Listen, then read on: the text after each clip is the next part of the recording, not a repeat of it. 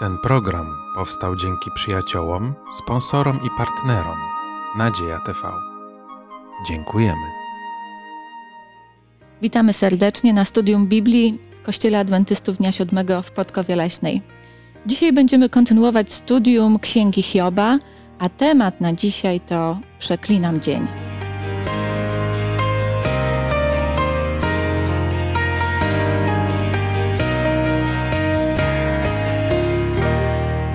Omawiać ten temat dzisiaj będziemy razem z Ewą, Grzegorzem, a ja mam na imię Małgorzata.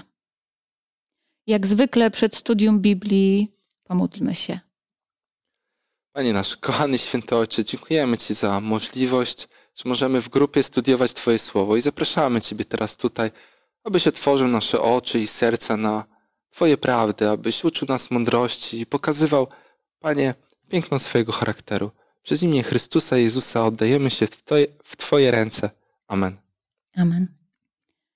Studiujemy Księgę Hioba, księga, która jest niezwykle ciekawa. Dla niektórych wydaje się wręcz tragiczna, dla innych to księga z pięknymi, wspaniałymi naukami i pocieszeniem.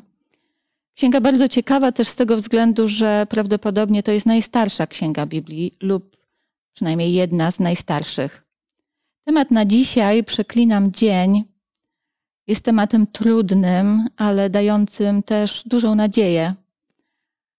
A jeszcze wracając do księgi Hioba, musimy pamiętać, również rozpatrując ten temat, że w tej księdze widzimy świat, którego normalny człowiek na co dzień nie widzi. Świat walki pomiędzy Bogiem i szatanem. Świat walki o każdego człowieka, o każdego z nas. I to tylko od nas zależy. Co wybierzemy? Czy zwyciężymy razem z Bogiem, czy poddamy się i przegramy? Dzisiejszy temat zaczynamy od studium rozdziału trzeciego z Księgi Hioba.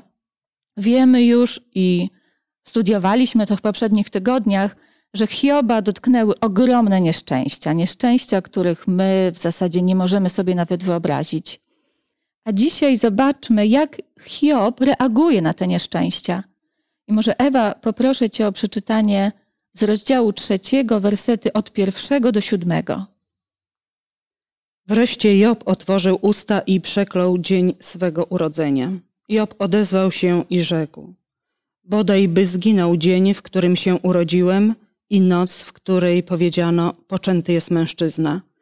Bodaj by ów dzień obrócił się w ciemność, bodaj by o niego nie pytał Bóg na wysokości i nie zabłysł nad nim jasny promień.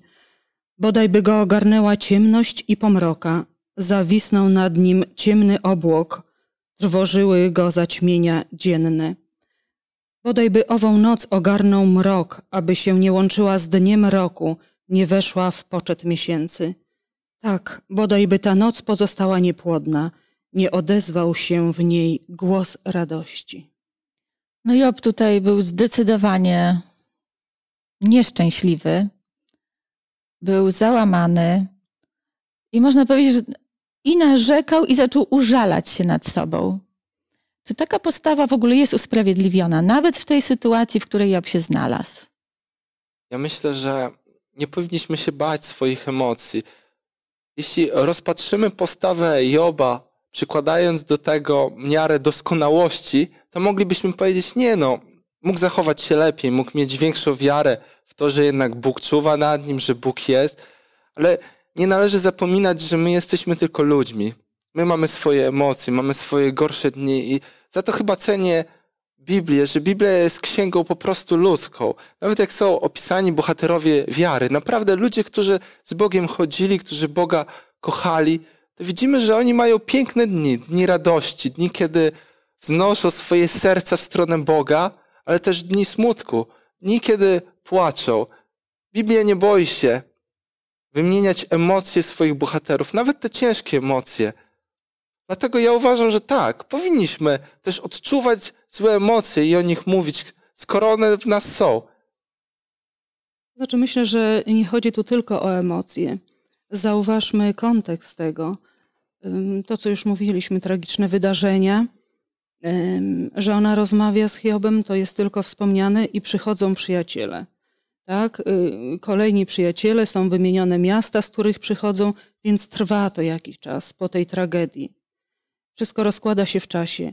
I sprawozdanie, które jest y, przed, tym, przed tymi wersetami, mówi o tym, że przyszli, zobaczyli stan Hioba i siedem dni siedzieli i nic nie mówili. Skoro oni tak zareagowali, to jak musiał wyglądać, jak musiał się czuć, co musieli zobaczyć, skoro taka była reakcja u ludzi wschodu, którzy jednak rozmawiają, kiedy się spotkają, kiedy dużo mówią, wymieniają się swoimi przeżyciami i doświadczeniami. I wreszcie, aby przerwać tę sytuację, Job odzywa się. I tutaj mamy właśnie tę wypowiedź. Tak? Wreszcie Job otworzył usta i zaczął mówić, tak? Przeklął dzień. I w sumie to nie są tylko emocje, tak jak tutaj Grzegorz powiedział. To jest, to jest żałoba. Tak ma prawo zachować się człowiek w żałobie. Próbuje w jakiś sposób opisać, jak się czuje w tym momencie, w tej wielkiej tragedii. No bo tak, przyszli, popatrzyli na niego i za nie mówili. I w końcu przerywa i zaczyna opowiadać, zaczyna mówić. I w sumie zaczyna od tego, bo tak, stało się wielkie nieszczęście, zginęły dzieci. To chyba to było przede wszystkim zasadnicze. I zaczyna jakby od początku. Co się stało? Bodaj by ten dzień nie stał się, kiedy się począłem. Od tego zaczyna. Mówi, to jest jakby początek tego zła, które doświadczyłem w tym momencie. Wolałbym nie żyć, wolałbym, żeby mnie w ogóle nie było. I myślę, że tutaj nie powinniśmy chyba oceniać Hioba, ale nauczyć się tego, jak reagować, kiedy, kiedy widzimy wielkie nieszczęście wokół siebie. Także to, to jest jedna sprawa, o której Grzegorz powiedział. Bóg nie wziął tego za złe Hiobowi, że wyrażał to, mhm. ten swój stan, to wielkie nieszczęście, tak? że jest na to miejsce, jest na to czas. Czy mieliście może w swoim życiu taką sytuację? Y, spotkało was albo nieszczęście, albo jakaś niesprawiedliwość, albo, choroba, że mieliście ochotę lub wręcz mówiliście podobne słowa, takie jak Hiob? Znaczy, no myślę, że w tym zakresie nie znam osoby, która w takim zakresie by przeżywała to, co Hiob przeżywał, więc jakby trudno tutaj porównywać się. No, każdy doświadcza jakiejś sytuacji, przeżywa żałobę, przeżywa tragedię. Mm, jest miejsce i czas tak, na, na wyrażanie swoich odczuć, jeżeli jest z kim. Tutaj Hiob miał to szczęście, że miał z kim dzielić to swoje nieszczęście. To też jest ważna kwestia. No ja powiem, że y, może to bardzo dobrze o mnie nie będzie świadczyło, ale kiedyś, y, jak miałam zapalenie ucha i przez półtora tygodnia miałam taki ból, że płakałam z bólu i nic nie działało, to, to wyrażałam niepochlebne opinie i, y, na temat absolutnie wszystkiego i wszystkich y, dookoła mnie. I zadawałam sobie pytania i dlaczego, i po co, i czemu ma to służyć. I powiem szczerze, że Hioba podziwiam za to, że on w tym wszystkim, on owszem, mówi, żebym się nie urodził, lepiej, żebym się nie urodził, ale on nigdy nie złorzeczył Bogu. I to jest wspaniała rzecz, i to też wspaniale świadczy o Hiobie. Jak możemy w ogóle, bo tu Ewa zaczęłaś mówić też, że, że powinniśmy nauczyć się albo chociaż brać przykład y, z tej sytuacji, jak reagować na nieszczęścia innych, jak, może ich, jak można pocieszać. Co w ogóle może nas pocieszyć w takiej sytuacji? Czy jest coś, co może nas pocieszyć? Wspomniałeś o doświadczeniach. Ja kilka lat temu miałem koleżankę, taką bliską mi osobę, która zachorowała na depresję. Nie miała takich wielkich problemów jak Job, ale miała jakieś tam swoje problemy i też widziała wszystko w ciemnych barwach. Ja wtedy, nie znając się zupełnie na psychologii, ale podszedłem z taką taktyką, aby pocieszać tę osobę, aby mówić, co dobrego miała, ile fajnych rzeczy w życiu osiągnęła, ale wiecie, że to nie działało? Ja czym więcej wymieniałem, tym ona bardziej zaprzeczała. Ona w ogóle tego nie widziała. I potem jak kiedyś czytałem artykuł na temat depresji, to właśnie było tam napisane, że taka taktyka nie działa. Wymienianie takich dobrych, e, dobrych rzeczy. A co może zadziałać? Nie jestem psychologiem, nie znam się, ale wydaje mi się, że po prostu sama obecność, to co zrobili tutaj przyjaciele Joba, przyszli do niego, siedzieli razem z nim siedem dni, a później ten okres całej tej rozmowy i przez to pokazali, że Job jest dla nich ważny, że nie mają jakichś tam spraw, biznesów, które muszą załatwić, że dla Joba mają czas tylko na godzinkę albo jeden dzień, ale oni mieli dostatecznie czasu, aby go wysłuchać, aby być z nim, mimo tego, iż potem swoją rozmową też sporo bólu mu sprawili. Mamy oczywiście też obietnice w Biblii, które pocieszają. Czasami wydaje mi się, że traktujemy jako coś tak oczywistego, albo jest nam y, wręcz niezręcznie podpowiadać innym osobom, że w tym, w tym nieszczęściu, zobacz, jest taka obietnica w Biblii, taka piękna obietnica w Biblii, opieraj się na tym. Ja może dla przykładu tylko przeczytam tekst, który, y, no powiem, dla mnie jest niezwykłym pocieszeniem. Y, z Księgi Objawienia, 21 rozdział i czwarty werset, bardzo prosty. I otrze wszelką łzę z oczu ich i śmierci już nie będzie, ani smutku, ani krzyku, ani mozołu już nie będzie, albowiem pierwsze rzeczy przeminęły. I tak myślę sobie w różnych sytuacjach, bez względu na to, co tu się dzieje. Jeszcze tylko chwilka, jeszcze tylko chwilka i czeka nas wspaniałe życie na wspaniałej, odnowionej ziemi. Mnie to niezwykle pociesza. No tak, z tym, że trzeba być ostrożnym, bo takiej sytuacji bardzo trudnej, tak jak tutaj spotykamy żałobę, więc mówienie o obietnicach, cytowanie obietnic, to co już Grzegorz powiedział, nie zawsze trzeba mówić, bo to wręcz odwrotny skutek przynosi. Trzeba się nastawić na słuchanie i tak jak są kolejne, tak jak teraz się mówi o tym, są kolejne etapy żałoby i człowiek musi się zanurzyć w tym, żeby dojść gdzieś w końcu do tego i, i z czasem to przyjdzie, tak? ale w danym momencie on nie jest w stanie spojrzeć nic poza to. Więc owszem, bardzo ważne jest, ale czasami, żeby mówić coś, ale czasami słowa mogą być te nawet najlepsze, nierozważne. Można się wczuć właśnie w rolę tych przyjaciół Hioba, tak? Oni mówili bardzo dobrze, czytając ich różne mowy, zresztą to będziemy na pewno w, w następnych rozważaniach o tym mówić, czytając ich mowy, ile pięknych nauk można y, wynieść z tego, tak? Ile, ile odkryć pięknych rzeczy, o których mówią, o Bogu, w jakiś piękny sposób. Tylko, że nie w tej sytuacji. Absolutnie nietrafione, tak? I najpiękniejsze rzeczy czasami nie działają. Ja myślę, że niezwykle ważne jest też yy, chociaż próba zrozumienia i dopasowanie i naszego zachowania, i naszych słów do sytuacji drugiego człowieka. I faktycznie w, wielu sytuacjach sama nasza obecność na pewno wystarczy, że nie zostawimy człowieka samego. Czasami yy, podzielenie się doświadczeniami z własnego życia, czasami obietnice biblijne, Czasami wręcza się zgłosić po pomoc do specjalisty, bo naprawdę są różne sytuacje, ale myślę, że najważniejsza jest ta nasza gotowość do pomocy, żeby nie rezygnować, bez względu na to, w jakiej sytuacji ten człowiek jest, w jakim stanie, to nigdy się nie poddawać. Może przeczytajmy jeszcze kolejne teksty, bo tak naprawdę to, że Job mówił, że bodaj bym się nie narodził, to nie wszystko. On idzie dalej w tych swoich narzekaniach. I może przeczytajmy tekst z rozdziału trzeciego, wersety od 11 do 13. Czemu nie umarłem już w łonie matki? Czemu nie zginąłem, gdy wyszedłem z łona? Czemu wzięto mnie na kolana? Czemu do piersi, aby mnie ssał? Leżałbym teraz i odpoczywał. Spałbym i miałbym spokój. Zobaczmy, że tutaj Hiob nie tylko mówi, że bodaj by się nie urodził, tutaj wręcz jakby pragnie tej śmierci. On w tej śmierci szuka jakby odpoczynku.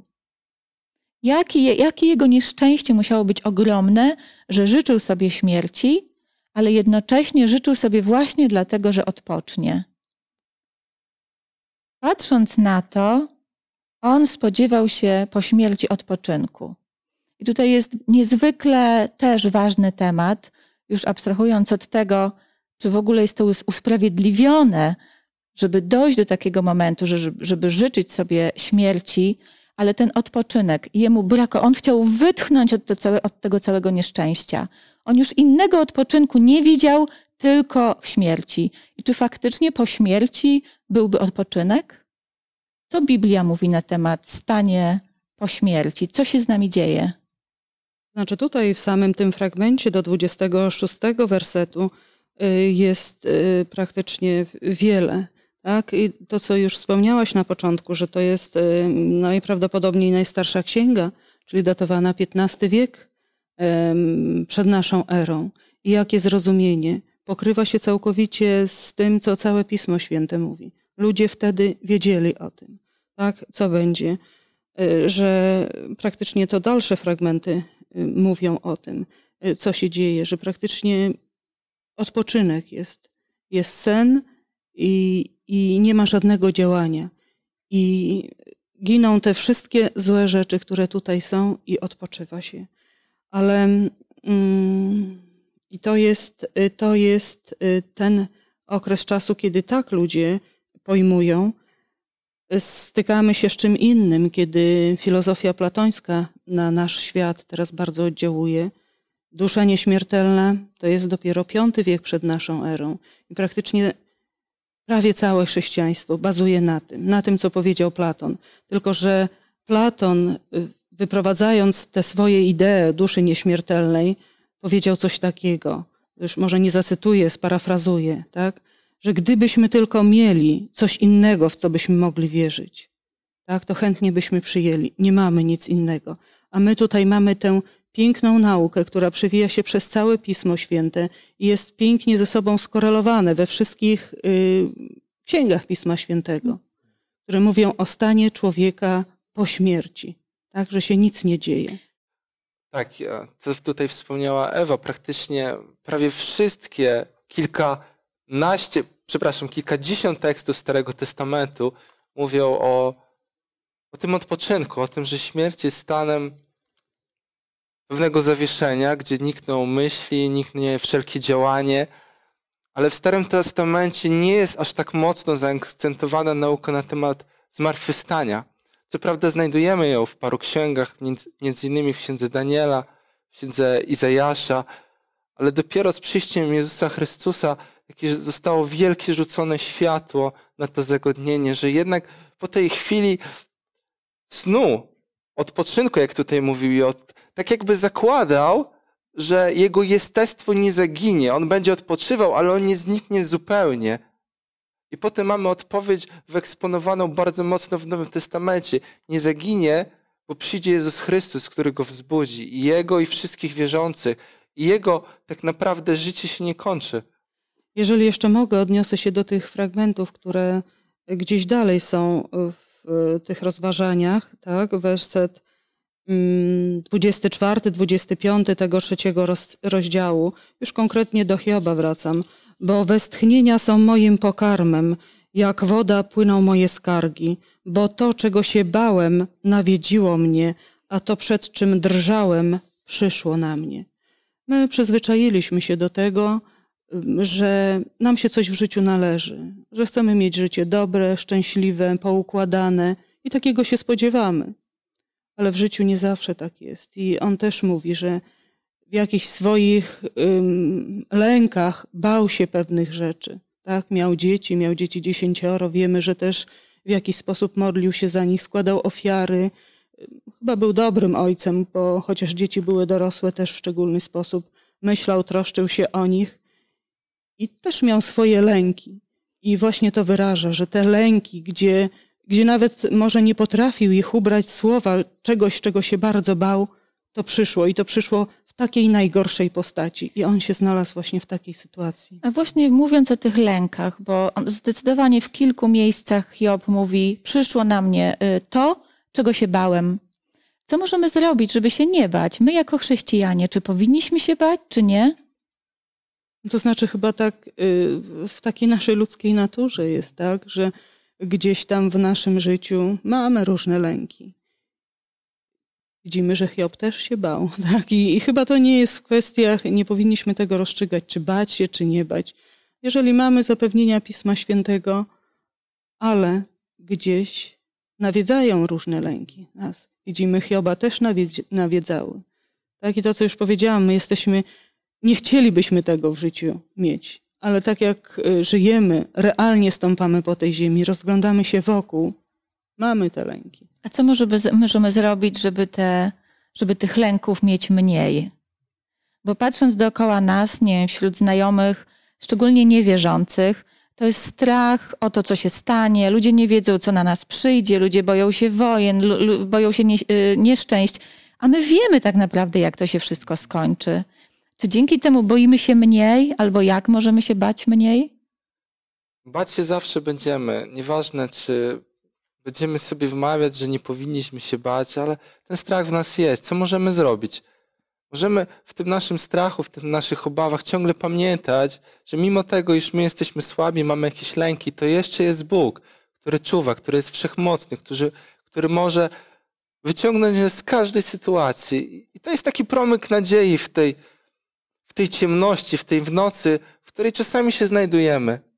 Ona nie sprawia, że noc całkowicie znika, że lęk nagle wyparowuje, bo pomyśleliśmy o, o Bogu, ale sprawia, że łatwiej jest znieść ten lęk, że mimo tego lęku można iść do przodu i nie poddać mu się. Ja może powiem też z własnego doświadczenia. Akurat niedawno e, zmieniłam pracę. Zanim zmieniłam pracę, też się dużo modliłam, bo no chciałabym, żeby po pierwsze Bóg kierował moim życiem, a po drugie, żebym ja tego głosu słuchała i faktycznie pełniła Jego wolę. I jak to w nowej pracy jest różnie. Ale wiecie, w ogóle nie odczuwam strachu, dlatego że wiem, że bez względu na to, co będzie, jeżeli ja będę wierna Bogu, to po prostu nie mam się czego bać.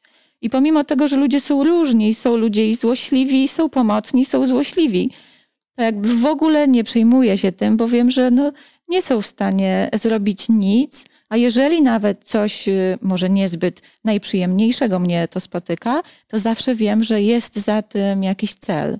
I z tego zawsze próbuję się po prostu czegoś uczyć. I może to też nie jest od razu, ale tak jak widzę, zdecydowanie z dnia na dzień, z roku na rok jest mi lżej. Czym jestem bliżej Boga, tym jest mi po prostu lżej. Też zaczęła się od tego, czy my, jako ludzie wierzący, tak, na pewno mamy mniej tych lęków, które innych ludzi dotykają.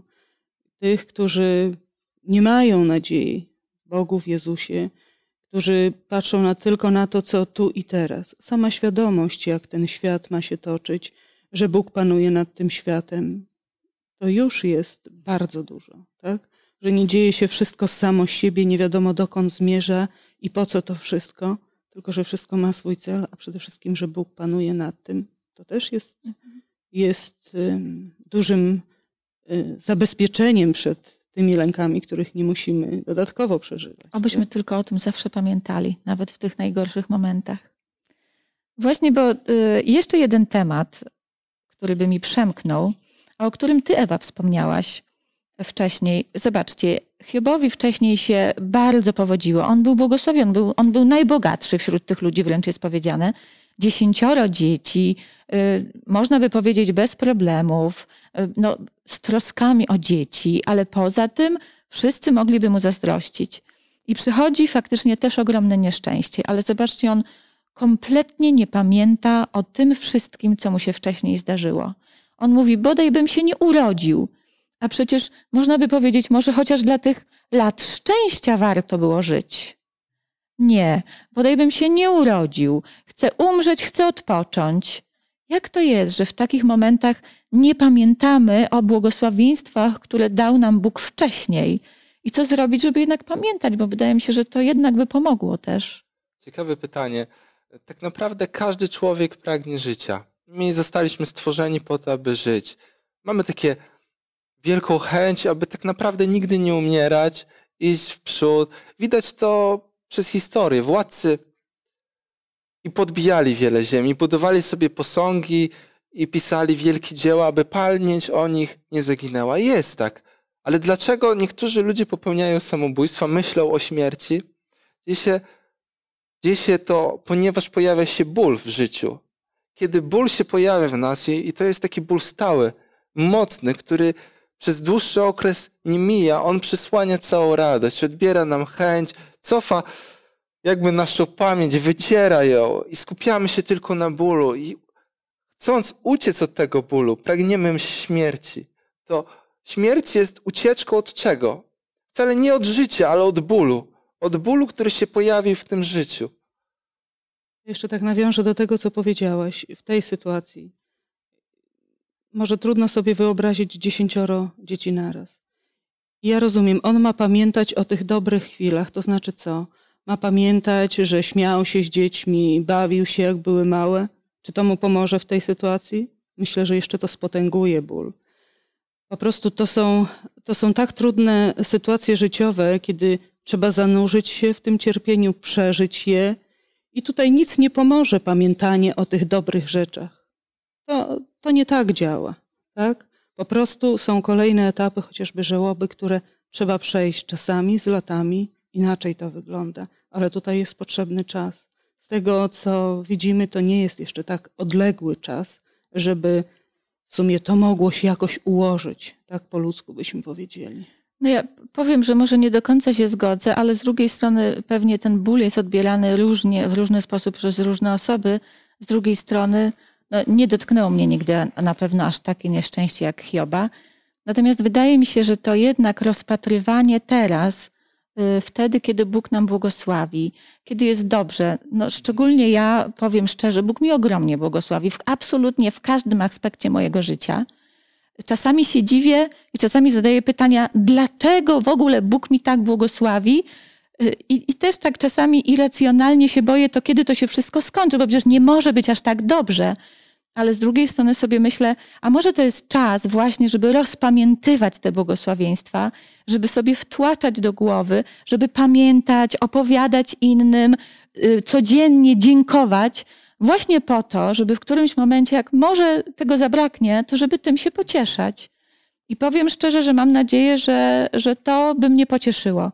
Aczkolwiek, tak jak mówię, nigdy nie byłam w takiej sytuacji, więc to jest tylko teoria. Tak, powinniśmy według mnie pamiętać o tym czasie żałoby, który, który powinniśmy sobie dać. Mamy takie polskie przysłowie, że czas le, leczy rany. Jest, tak jak napisał Kochelet, jest czas na radość i czas na, na łzy. I u Joba teraz jest czas na łzy, na, na czas, kiedy po prostu może całą swoją duszę wylać przed Bogiem, przed ludźmi. Jak patrzymy na Jezusa Chrystusa, w Jego życiu również był czas na łzy kiedy nie wychwalał Boga, nie mówił, słuchajcie, wszystko będzie dobrze, ale kiedy płakał z innymi ludźmi. I to takie łączenie się w bólu. I to jest bardzo ważne. W szczególności dla tych ludzi, którzy na chwilę obecną nie widzą, nie widzą tego światełka. Ale potem ten czas mija. Czasami to trwa krótko, czasami długo. Ten czas mija. Bóg przychodzi w życie, pokazuje i wtedy wraca też pamięć tych wspaniałych chwil. E, ty wspomniałaś o swoim doświadczeniu. Ja też takie doświadczenie dość ciężkie przeżywałem, gdzie miałem naprawdę wspaniałe doświadczenia z Panem Bogiem, a potem przyszedł wielki ból. No i ta pamięć jakby zniknęła. Nie wracało się do tego. Nie to, że nie chciałem, ale mój umysł nie szedł w tamtą stronę. Był czas po prostu, czas zadumy, czas takiego wewnętrznego płaczu, ale on minął. I kiedy on minął, jakby ta pamięć wróciła i oby wracała y, nam wszystkim jak najszybciej. Bo nam się chyba trochę udziela taka sytuacja. Żyjemy w takich czasach, że trzeba być pozytywnym, trzeba mm, dobrze, trzeba siebie prezentować w dobry sposób i nam to trochę chyba przesłania przeżywanie takich sytuacji. Tak? To, co powiedział Grzegorz, jest czas na wszystko.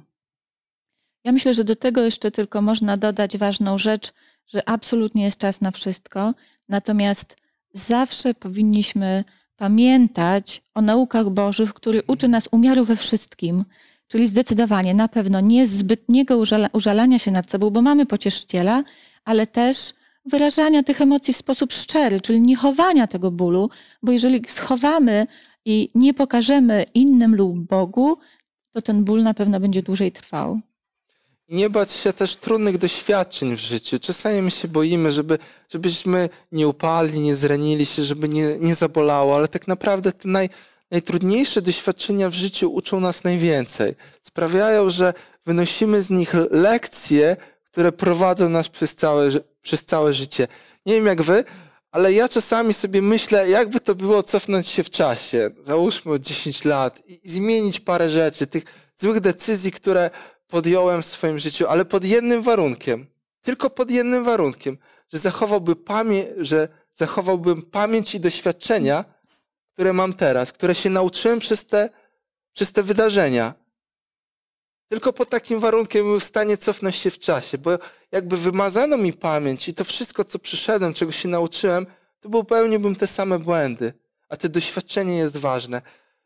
I taki przykład w życiu, krótki. Kiedyś byłem sportowcem, całe moje życie to był sport. I, i pamiętam pier, po pierwszym roku moich treningów trenowałem właśnie z trenerem. On atakował, był bardzo doświadczony, silniejszy, cięższy ode mnie. Ja byłem młodszy i się broniłem.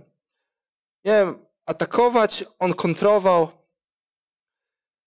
No i na początku każdy cios, który on wyprowadzi, po prostu doszedł do celu. Doszedł we mnie i to bolało. I tak ćwiczyliśmy kilkanaście razy i ciągle dostawałem i nie wiedziałem, co zrobić. I w końcu wpadłem na taką myśl, że kiedy będę się wycofywać, nie pójdę do tyłu, ale zejdę, zmienię trajektorię mojego ruchu, zejdę na bok. I kiedy to zrobiłem, uniknąłem wszelkich ciosów.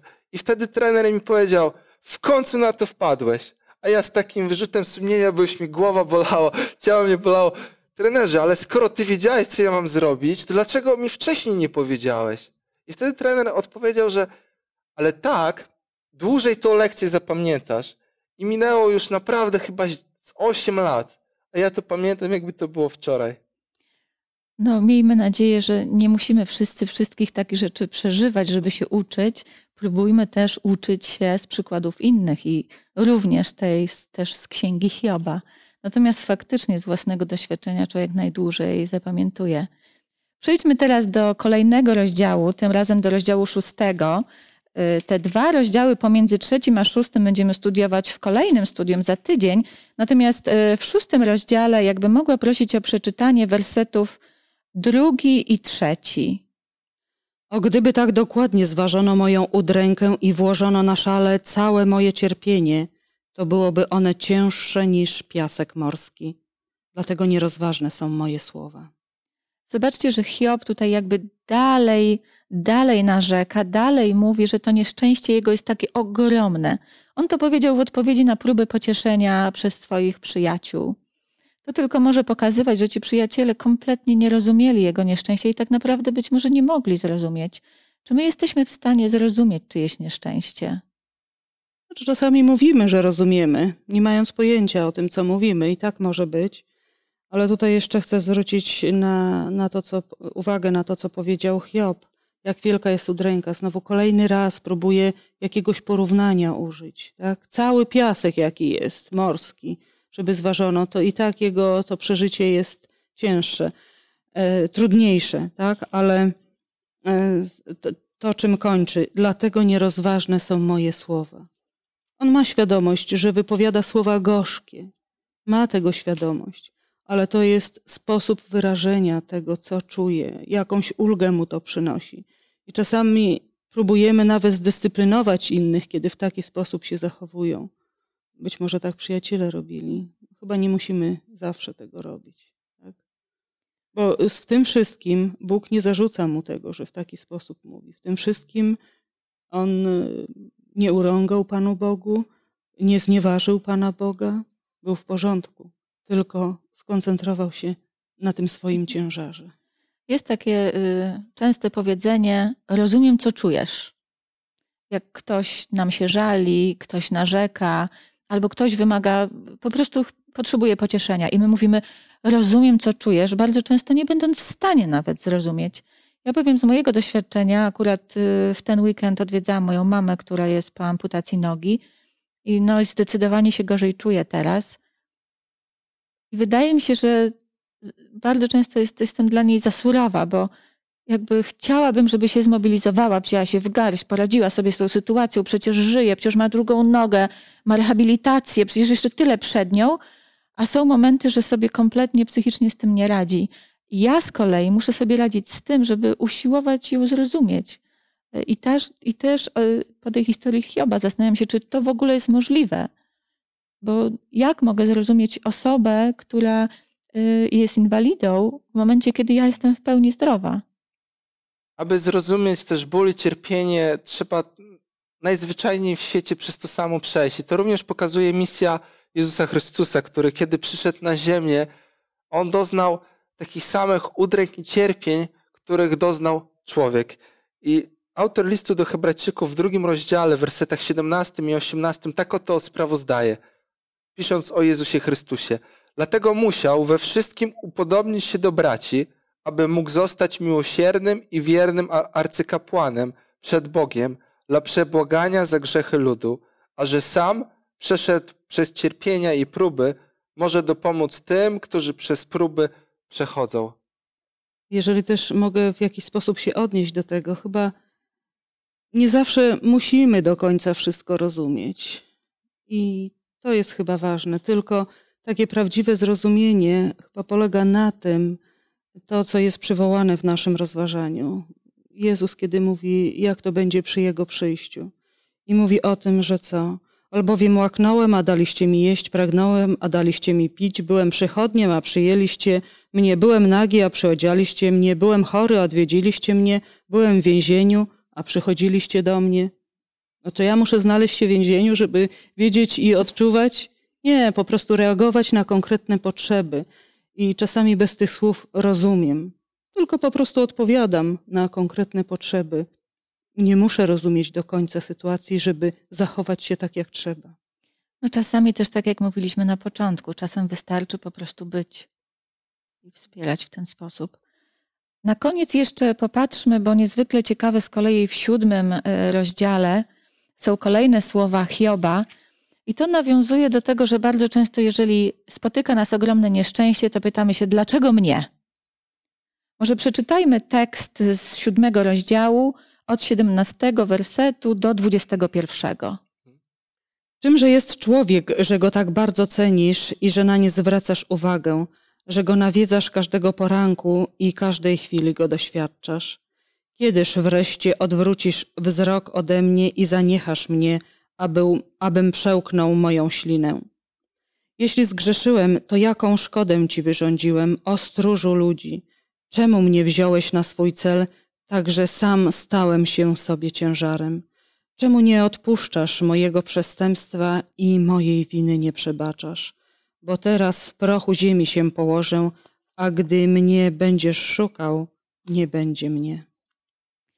Bardzo często w takich sytuacjach, tak jak wcześniej mówiłam, zadajemy sobie pytanie, dlaczego mnie to spotyka? Dlaczego w ogóle Bóg zajmuje się człowiekiem?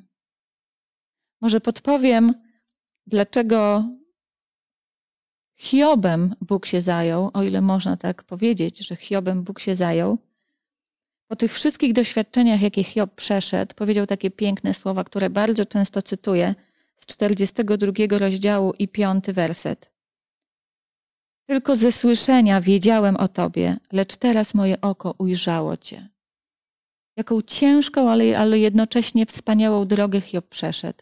I nie wiem, bo to nie jest pytanie, na które znam odpowiedź, ale być może to była droga jedyna dla niego, która go zbliży faktycznie do Boga, która sprawiła, że on tego Boga, Boga poznał.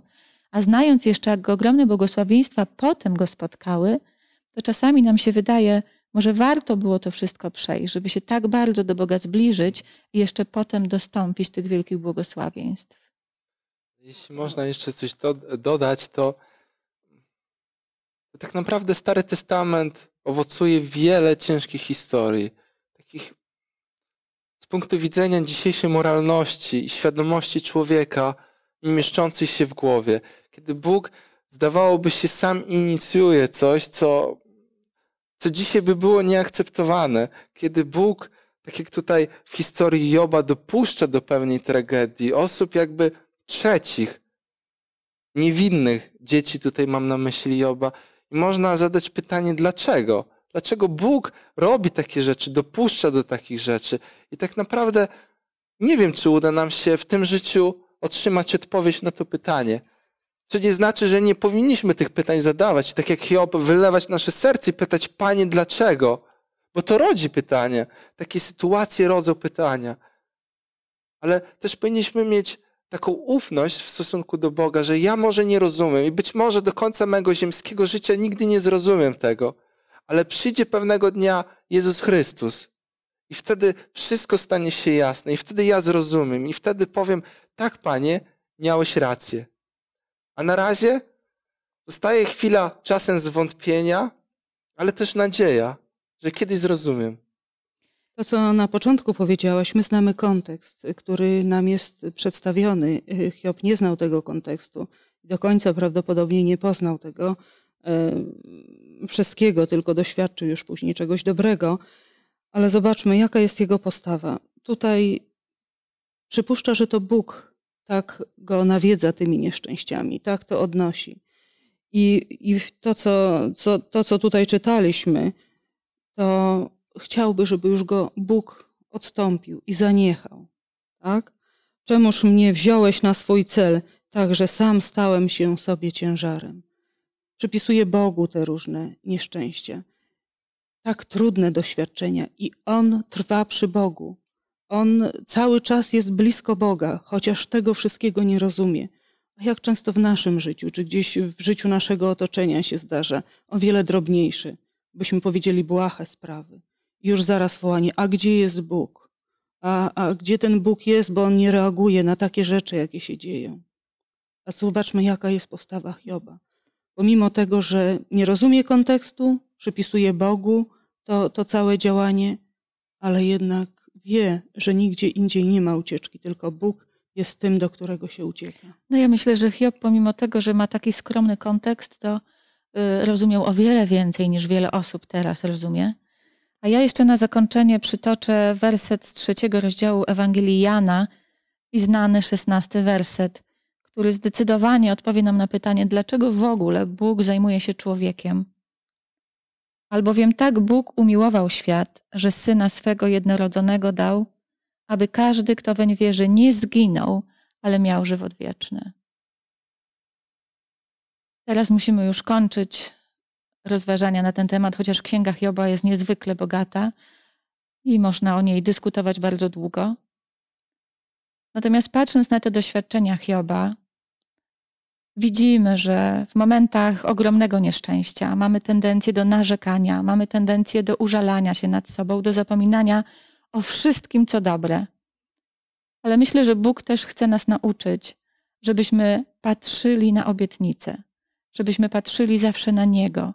I chociaż czasem trudno jest ufać, bo nie wiemy, co przed nami, tak jak Hiob na początku tych wydarzeń nie wiedział, co go jeszcze czeka, to powinniśmy możemy, musimy wręcz nauczyć się ufać Bogu, bo On wszystkie swoje obietnice dotrzymuje.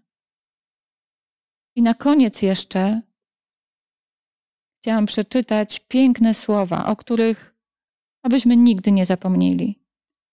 Z listu do Rzymian.